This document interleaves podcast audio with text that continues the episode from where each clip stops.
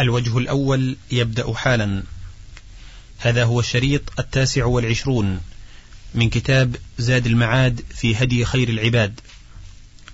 فصل وأما الاستئذان الذي أمر الله به المماليك ومن لم يبلغ الحلم في العورات الثلاث قبل الفجر ووقت الظهيرة وعند النوم فكان ابن عباس يأمر به ويقول ترك الناس العمل بها فقالت طائفة الآية منسوخة ولم تأت بحجة. وقالت طائفة أمر ندب وإرشاد لا حتم وإيجاب وليس معها ما يدل على صرف الأمر عن ظاهره. وقالت طائفة المأمور بذلك النساء خاصة وأما الرجال فيستأذنون في جميع الأوقات وهذا ظاهر البطلان. فإن جمع الذين لا يختص به المؤنث وإن جاز إطلاقه عليهن مع الذكور تغليبا. وقالت طائفة عكس ذلك وهو أن المأمور بذلك الرجال دون النساء نظرا إلى لفظ الذين في الموضعين ولكن سياق الآية يأباه فتأمله. وقالت طائفة كان الأمر بالاستئذان في ذلك الوقت للحاجة ثم زالت والحكم إذا ثبت بعلة زال بزوالها. فروى أبو داود في سننه أن نفرا من أهل العراق قالوا لابن عباس يا ابن عباس كيف ترى هذه الآية التي أمرنا فيها بما أمرنا ولا يعمل بها أحد؟ يا أيها الذين آمنوا ليستأذنكم الذين ملكت أيمانكم. فقال ابن عباس إن الله حكيم رحيم بالمؤمنين يحب الستر وكان الناس ليس لبيوتهم ستور ولا حجال فربما دخل الخادم أو الولد أو يتيمة الرجل والرجل على أهله فأمرهم الله بالاستئذان في تلك العورات فجاءهم الله بالستور والخير فلم أرى أحدا يعمل بذلك بعد. وقد أنكر بعضهم ثبوت هذا عن ابن عباس وطعن في عكرمة ولم يصنع شيئا وطعن في عمرو بن أبي عمرو مولى المطلب وقد احتج به صاحب الصحيح فإنكار هذا تعنت واستبعاد لا وجه له. وقال طائفة الآية محكمة عامة لا معارض لها ولا دافع والعمل بها واجب وإن تركه أكثر الناس. والصحيح أنه إن كان هناك ما يقوم مقام الاستئذان من فتح باب فتحه دليل على الدخول أو رفع ستر أو تردد الداخل والخارج ونحوه أغنى ذلك عن الاستئذان. وإن لم يكن ما يقوم مقامه فلا بد منه والحكم معلل بعلة قد أشارت إليها الآية فإذا وجدت وجد الحكم وإذا انتفت انتفى والله أعلم. فصل في هديه صلى الله عليه وسلم في أذكار العطاس. ثبت عنه صلى الله عليه وسلم أن الله يحب العطاس ويكره التثاؤب فإذا عطس أحدكم وحمد الله كان حقا على كل مسلم سمعه أن يقول له يرحمك الله. وأما التثاؤب فإنما هو من الشيطان فإذا تثاءب أحدكم فليرده ما استطاع فإن أحدكم إذا تثاءب ضحك منه الشيطان ذكره البخاري. وثبت عنه في صحيحه إذا عطس أحدكم فليقل الحمد لله. وليقل له أخوه أو صاحبه يرحمك الله. فإذا قال له يرحمك الله فليقل يهديكم الله ويصلح بالكم. وفي الصحيحين عن أنس أنه عطس عنده رجلان فشمت أحدهما ولم يشمت الآخر. فقال الذي لم يشمته عطس فلان فشمته وعطست فلم تشمتني. فقال هذا حمد الله وأنت لم تحمد الله. وثبت عنه في صحيح مسلم. إذا عطس أحدكم فحمد الله فشمتوه فإن لم يحمد الله فلا تشمتوه. وثبت عنه في صحيحه من حديث أبي هريرة حق المسلم على المسلم ست إذا لقيته فسلم عليه وإذا دعاك فأجبه وإذا استنصحك فانصح له وإذا عطس وحمد الله فشمته وإذا مرض فعده وإذا مات فاتبعه. وروى أبو داود عنه بإسناد صحيح إذا عطس أحدكم فليقل الحمد لله على كل حال وليقل أخوه أو صاحبه يرحمك الله وليقل هو يهديكم الله ويصلح بالكم. وروى الترمذي أن رجلا عطس عند ابن عمر فقال الحمد لله والسلام على رسول الله فقال ابن عمر وأنا أقول الحمد لله والسلام على رسول الله صلى الله عليه وسلم. وليس هكذا علمنا رسول الله صلى الله عليه وسلم ولكن علمنا أن نقول الحمد لله على كل حال. وذكر مالك عن نافع عن ابن عمر كان إذا عطس فقيل له يرحمك الله قال يرحمنا الله وإياكم ويغفر لنا ولكم. فظاهر الحديث المبدوء به أن التشميت فرض عين على كل من سمع العاطس يحمد الله ولا يجزئ تشميت الواحد عنهم وهذا أحد قولي العلماء واختاره ابن أبي زيد وأبو بكر ابن العربي المالكيان ولا دافع له. وقد روى أبو داود أن رجلا عطس عند النبي صلى الله عليه وسلم فقال السلام عليكم فقال رسول الله صلى الله عليه وسلم وعليك السلام وعلى أمك. ثم قال إذا عطس أحدكم فليحمد الله. قال فذكر بعض المحامد وليقل له من عنده يرحمك الله وليرد يعني عليهم يغفر الله لنا ولكم. وفي السلام على أم هذا المسلم نكتة لطيفة وهي إشعاره بأن سلامه قد وقع في غير موقعه اللائق به كما وقع هذا السلام على أمه فكما أن سلامه هذا في غير موضعه كذلك سلامه هو. ونكتة أخرى ألطف منها وهي تذكيره بأمه ونسبته إليها فكأنه أمي محض منسوب إلى الأم باق على تربيتها لم تربه الرجال. وهذا أحد الأقوال في الأمي أنه الباقي على نسبته إلى الأم. وأما النبي الأمي فهو الذي لا يحسن الكتابة ولا يقرأ الكتاب. وأما الأمي الذي لا تصح الصلاة خلفه فهو الذي لا يصحح الفاتحة ولو كان عالما بعلوم كثيرة. ونظير ذكر الأم ها هنا ذكر هني الأب لمن تعزى بعزاء الجاهلية فيقال له اعضض هنا أبيك. وكان ذكر هني الأب ها هنا أحسن تذكيرا لهذا المتكبر بدعوى الجاهلية بالعضو الذي خرج منه وهو هن أبيه.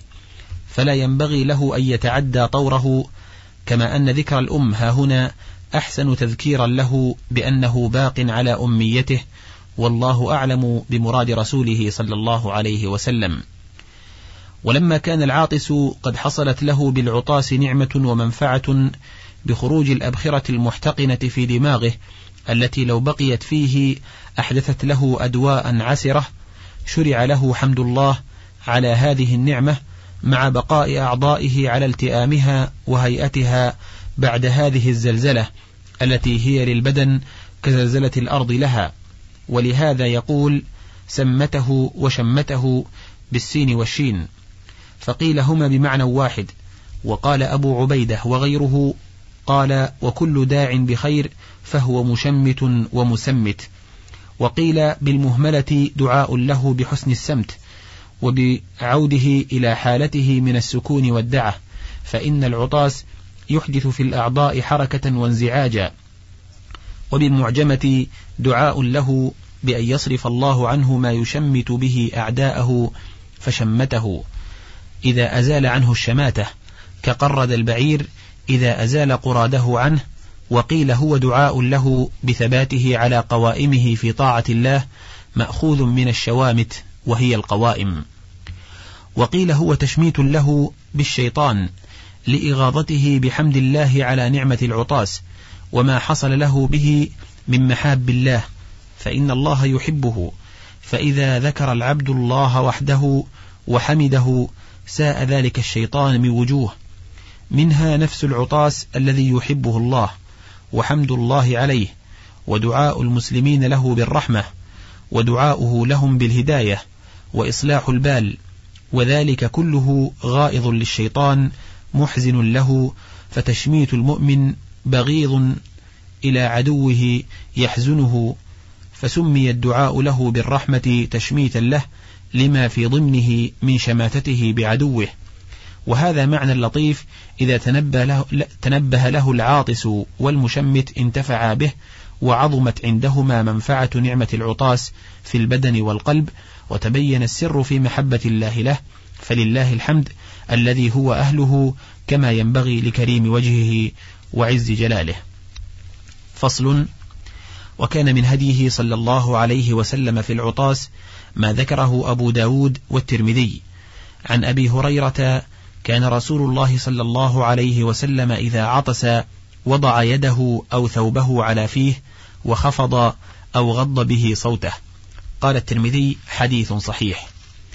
ويذكر عنه صلى الله عليه وسلم أن التثاؤب الشديد والعطسة الشديدة من الشيطان. ويذكر عنه أن الله يكره رفع الصوت بالتثاؤب والعطاس. وصح عنه أنه عطس عنده رجل فقال له يرحمك الله. ثم عطس أخرى فقال الرجل مزكوم. هذا لفظ مسلم أنه قال في المرة الثانية. وأما الترمذي فقال فيه عن سلمة بن الأكوع عطس رجل عند رسول الله صلى الله عليه وسلم وأنا شاهد. فقال رسول الله صلى الله عليه وسلم يرحمك الله. ثم عطس الثانية والثالثة فقال رسول الله صلى الله عليه وسلم هذا رجل مزكوم. قال الترمذي هذا حديث حسن صحيح. وقد روى أبو داود عن سعيد بن أبي سعيد عن أبي هريرة موقوفا عليه شمت أخاك ثلاثة فما زاد فهو زكام. وفي رواية عن سعيد قال لا أعلمه إلا أنه رفع الحديث إلى النبي صلى الله عليه وسلم بمعناه. قال أبو داود رواه أبو نعيم عن موسى بن قيس عن محمد بن عجلان عن سعيد عن أبي هريرة عن النبي صلى الله عليه وسلم. انتهى. وموسى بن قيس هذا الذي رفعه هو الحضرمي الكوفي يعرف بعصفور الجنة. قال يحيى بن معين ثقة وقال أبو حاتم الرازي لا بأس به. وذكره أبو داود عن عبيد بن رفاعة الزرقي عن النبي صلى الله عليه وسلم قال تشمت العاطس ثلاثا فإن شئت فشمته وإن شئت فكف. ولكن له علتان إحداهما إرساله فإن عبيدا هذا ليست له صحبة. والثانية أن فيه أبا خالد يزيد بن عبد الرحمن الدالاني وقد تكلم فيه. وفي الباب حديث آخر عن أبي هريرة يرفعه إذا عطس أحدكم فليشمته جليسه. فإن زاد على الثلاثة فهو مزكوم ولا تشمته بعد الثلاث. وهذا الحديث هو حديث أبي داود الذي قال فيه رواه أبو نعيم عن موسى بن قيس عن محمد بن عجلان عن سعيد عن أبي هريرة وهو حديث حسن. فإن قيل إذا كان به زكام فهو أولى أن يدعى له ممن لا علة به. قيل يدعى له كما يدعى للمريض ومن به داء ووجع. وأما سنة العطاس الذي يحبه الله وهو نعمة ويدل على خفة البدن وخروج الأبخرة المحتقنة فإنما يكون على تمام الثلاث وما زاد عليها يدعى لصاحبه بالعافية. وقوله في الحديث الرجل مزكوم تنبيه على الدعاء له بالعافية لأن الزكمة علة وفيه اعتذار من ترك تشميته بعد الثلاث وفيه تنبيه له على هذه العلة ليتداركها ولا يهملها فيصعب أمرها فكلامه صلى الله عليه وسلم كله حكمة ورحمة وعلم وهدى. وقد اختلف الناس في مسألتين إحداهما أن العاطس إذا حمد الله فسمعه بعض الحاضرين دون بعض هل يسن لمن لم يسمعه تشميته؟ فيه قولان والأظهر أنه يشمته إذا تحقق أنه حمد الله وليس المقصود سماع المشمت للحمد وإنما المقصود نفس حمده فمتى تحقق ترتب عليه التشميت كما لو كان المشمت أخرس ورأى حركة شفتيه بالحمد. والنبي صلى الله عليه وسلم قال فإن حمد الله فشمتوه هذا هو الصواب. الثانية إذا ترك الحمد فهل يستحب لمن حضره أن يذكره الحمد؟ قال ابن العربي لا يذكره. قال وهذا جهل من فاعله. وقال النووي أخطأ من زعم ذلك بل يذكره وهو مروي عن إبراهيم النخعي. قال وهو من باب النصيحة والأمر بالمعروف والتعاون على البر والتقوى. وظاهر السنة يقوي قول ابن العربي لأن النبي صلى الله عليه وسلم لم يشمت الذي عطس ولم يحمد الله ولم يذكره. وهذا تعزير له وحرمان لبركة الدعاء لما حرم نفسه بركة الحمد.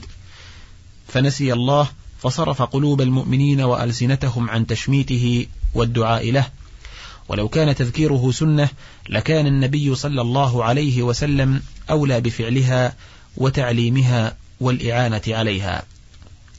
فصل. وصح عنه صلى الله عليه وسلم أن اليهود كانوا يتعاطسون عنده يرجون أن يقول لهم يرحمكم الله فكان يقول يهديكم الله ويصلح بالكم. فصل في هديه صلى الله عليه وسلم في أذكار السفر وآدابه. صح عنه صلى الله عليه وسلم أنه قال إذا هم أحدكم بالأمر فليركع ركعتين من غير الفريضة ثم ليقل اللهم إني أستخيرك بعلمك وأستقدرك بقدرتك وأسألك من فضلك العظيم فإنك تقدر ولا أقدر وتعلم ولا أعلم وأنت علام الغيوب. اللهم إن كنت تعلم أن هذا الأمر خير لي في ديني ومعاشي وعاجل أمري وآجله فاقدره لي ويسره لي وبارك لي فيه. وإن كنت تعلمه شرا لي في ديني ومعاشي وعاجل أمري وآجله فاصرفه عني واصرفني عنه واقدر لي الخير حيث كان ثم رضني به. قال ويسمي حاجته. قال رواه البخاري. فعوض رسول الله صلى الله عليه وسلم أمته بهذا الدعاء عما كان عليه أهل الجاهلية من زجر الطير والاستقسام بالأزلام الذي نظيره هذه القرعة التي كان يفعلها إخوان المشركين يطلبون بها علم ما قسم لهم في الغيب ولهذا سمي ذلك استقساما وهو استفعال من القسم والسين فيه للطلب وعوضهم بهذا الدعاء الذي هو توحيد وافتقار وعبودية وتوكل وسؤال لمن بيده الخير كله الذي لا يأتي بالحسنات إلا هو ولا يصرف السيئات إلا هو. الذي إذا فتح لعبده رحمة لم يستطع أحد حبسها عنه. وإذا أمسكها لم يستطع أحد إرسالها إليه من التطير والتنجيم واختيار الطالع ونحوه فهذا الدعاء هو الطالع الميمون السعيد طالع أهل السعادة والتوفيق الذين سبقت لهم من الله الحسنى لا طالع أهل الشرك والشقاء والخذلان الذين يجعلون مع الله إلها آخر فسوف يعلمون. فتضمن هذا الدعاء الإقرار بوجوده سبحانه والإقرار بصفات كماله من كمال العلم والقدرة والإرادة والإقرار بربوبيته وتفويض الأمر إليه والاستعانة به والتوكل عليه والخروج من عهدة نفسه والتبري من الحول والقوة إلا به واعتراف العبد بعجزه عن علمه بمصلحة نفسه وقدرته عليها وإرادته لها وأن ذلك كله بيد وليه وفاطره وإلهه الحق.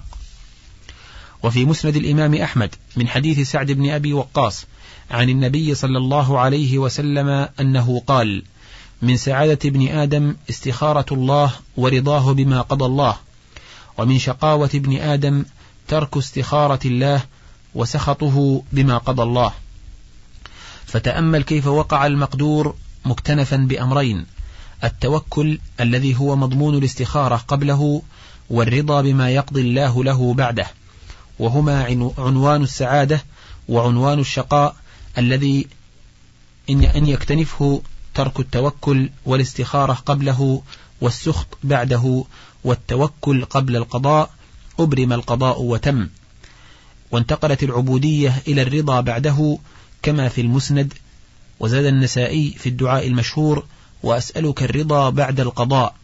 وهذا أبلغ من الرضا بالقضاء فإنه قد يكون عزما فإذا وقع القضاء تنحل العزيمة فإذا حصل الرضا بعد القضاء كان حالا أو مقاما. والمقصود أن الاستخارة توكل على الله وتفويض إليه واستقسام بقدرته وعلمه وحسن اختياره لعبده وهي من لوازم الرضا به ربا الذي لا يذوق طعم الإيمان من لم يكن كذلك وإن رضي بالمقدور بعدها فذلك علامة سعادته. وذكر البيهقي وغيره عن أنس رضي الله عنه قال لم يرد النبي صلى الله عليه وسلم سفرا قط إلا قال حين ينهض من جلوسه اللهم بك انتشرت وإليك توجهت وبك اعتصمت وعليك توكلت. اللهم أنت ثقتي وأنت رجائي. اللهم اكفني ما أهمني وما لا أهتم له. وما أنت أعلم به مني.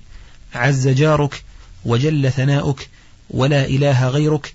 اللهم زودني التقوى واغفر لي ذنبي ووجهني للخير أينما توجهت. ثم يخرج. فصل وكان إذا ركب راحلته كبر ثلاثا ثم قال سبحان الذي سخر لنا هذا وما كنا له مقرنين وإنا إلى ربنا لمنقلبون. ثم يقول اللهم إني أسألك في سفرنا هذا البر والتقوى ومن العمل ما ترضى. اللهم هون علينا سفرنا هذا واطو عنا بعده. اللهم أنت الصاحب في السفر والخليفة في الأهل. اللهم اصحبنا في سفرنا واخلفنا في أهلنا. وإذا رجع قالهن وزاد فيهن آيبون تائبون عابدون لربنا حامدون. وذكر أحمد عنه صلى الله عليه وسلم أنه كان يقول أنت الصاحب في السفر والخليفة في الأهل. اللهم إني أعوذ بك من الضنة في السفر والكآبة في المنقلب اللهم اقبض لنا الأرض وهون علينا السفر. وإذا أراد الرجوع قال آيبون تائبون عابدون لربنا حامدون. وإذا دخل أهله قال توبا توبا لربنا أوبا ولا يغادر علينا حوبا. وفي صحيح مسلم أنه كان إذا سافر يقول اللهم إني أعوذ بك من وعثاء السفر وكآبة المنقلب ومن الحور بعد الكور ومن دعوة المظلوم ومن سوء المنظر في الأهل والمال. فصل وكان إذا وضع رجله في الركاب لركوب دابته قال بسم الله. فإذا استوى على ظهرها قال الحمد لله ثلاثا الله أكبر ثلاثا. ثم يقول سبحان الذي سخر لنا هذا وما كنا له مقرنين وإنا إلى ربنا لمنقلبون. ثم يقول الحمد لله ثلاثا الله أكبر ثلاثا. ثم يقول سبحان الله ثلاثا. ثم يقول لا إله إلا أنت سبحانك إني كنت من الظالمين. سبحانك إني ظلمت نفسي فاغفر لي إنه لا يغفر الذنوب إلا أنت. وكان إذا ودع أصحابه في السفر يقول لأحدهم أستودع الله دينك وأمانتك وخواتيم عملك. وجاء إليه رجل وقال يا رسول الله إني أريد سفرا فزودني. فقال زودك الله التقوى. قال زدني. قال وغفر لك ذنبك. قال زدني. قال ويسر لك الخير حيثما كنت. وقال له رجل إني أريد سفرا. فقال أوصيك بتقوى الله والتكبير على كل شرف. فلما ولى قال اللهم ازوي له الأرض وهون عليه السفر. وكان النبي صلى الله عليه وسلم وأصحابه إذا علوا الثنايا كبروا وإذا هبطوا سبحوا فوضعت الصلاة على ذلك. وقال أنس كان النبي صلى الله عليه وسلم إذا علا شرفا من الأرض أو نشز قال اللهم لك الشرف على كل شرف ولك الحمد على كل حمد. وكان سيره في حجه العنق فإذا وجد فجوة رفع السير فوق ذلك وكان يقول لا تصحب الملائكة رفقة فيها كلب ولا جرس. وكان يكره للمسافر وحده أن يسير بالليل فقال لو يعلم الناس ما في الوحدة ما سأر أحد وحده بليل. بل كان يكره السفر للواحد بلا رفقة وأخبر أن الواحد شيطان والاثنان شيطانان والثلاثة ركب. وكان يقول إذا نزل أحدكم منزلا فليقل أعوذ بكلمات الله التامات من شر ما خلق فإنه لا يضره شيء حتى يرتحل منه. ولفظ مسلم من نزل منزلا ثم قال أعوذ بكلمات الله التامات من شر ما خلق لم يضره شيء حتى يرتحل من منزله ذلك. وذكر أحمد عنه أنه كان إذا غزا أو سافر فأدركه الليل قال يا أرض ربي وربك الله أعوذ بالله من شرك وشر ما فيك وشر ما خلق فيك وشر ما دب عليك أعوذ بالله من شر كل أسد وأسود وحية وعقرب ومن شر ساكن البلد ومن شر والد وما ولد. وكان يقول إذا سافرتم في الخصب فأعطوا الإبل حظها من الأرض وإذا سافرتم في السنة فبادروا نقيها وفي لفظ فأسرعوا عليها السير وإذا عرستم فاجتنبوا الطريق فإنها طرق الدواب ومأوى الهوام بالليل. وكان إذا رأى قرية يريد دخولها قال حين يراها اللهم رب السماوات السبع وما أضللن ورب الأرضين السبع وما أقللن ورب الشياطين وما أضللن ورب الريح وما ذرين. إنا نسألك خير هذه القرية وخير أهلها ونعوذ بك من شرها وشر ما فيها. وكان إذا بدا له الفجر في السفر قال سمع سامع بحمد الله وحسن بلائه علينا. ربنا صاحبنا وأفضل علينا عائذا بالله من النار. وكان ينهى أن يسافر بالقرآن إلى أرض العدو مخافة أن يناله العدو.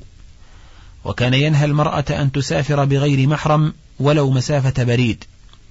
وكان يأمر المسافر إذا قضى نهمته من سفره أن يعجل الأوبة إلى أهله.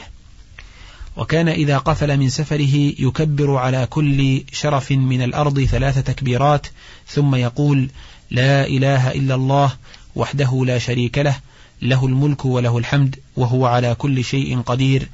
آيبون تائبون عابدون لربنا حامدون. صدق الله وعده ونصر عبده وهزم الأحزاب وحده. وكان ينهى أن يطرق الرجل أهله ليلا إذا طالت غيبته عنهم. وفي الصحيحين كان لا يطرق أهله ليلا يدخل عليهن غدوة أو عشية. وكان إذا قدم من سفره يلقى بالولدان من أهل بيته. قال عبد الله بن جعفر وإنه قدم مرة من سفر فسبق بي إليه فحملني بين يديه ثم جيء بأحد ابني فاطمة إما حسن وإما حسين فأردفه خلفه قال فدخلنا المدينة ثلاثة على دابة. وكان يعتنق القادم من سفره ويقبله إذا كان من أهله. قال الزهري عن عروة عن عائشة قدم زيد بن حارثة المدينة. ورسول الله صلى الله عليه وسلم في بيتي. فأتاه فقرع الباب فقام إليه رسول الله صلى الله عليه وسلم عريانا يجر ثوبه. والله ما رأيته عريانا قبله ولا بعده فاعتنقه وقبله. قالت عائشة لما قدم جعفر وأصحابه تلقاه النبي صلى الله عليه وسلم فقبل ما بين عينه واعتنقه. قال الشعبي وكان أصحاب رسول الله صلى الله عليه وسلم إذا قدموا من سفر تعانقوا وكان إذا قدم من سفر بدأ بالمسجد فركع فيه ركعتين. فصل في هديه صلى الله عليه وسلم في أذكار النكاح. ثبت عنه صلى الله عليه وسلم أنه علمهم خطبة الحاجة الحمد لله نحمده ونستعينه ونستغفره ونعوذ بالله من شرور أنفسنا وسيئات أعمالنا. من يهدي الله فلا مضل له ومن يضلل فلا هادي له وأشهد أن لا إله إلا الله وأشهد أن محمدا عبده ورسوله. ثم يقرأ الآيات الثلاث يا أيها الذين آمنوا اتقوا الله حق تقاته ولا تموتن إلا وأنتم مسلمون. يا أيها الناس اتقوا ربكم الذي خلقكم من نفس واحدة وخلق منها زوجها وبث منهما رجالا كثيرا ونساء واتقوا الله الذي تساءلون به والأرحام إن الله كان عليكم رقيبا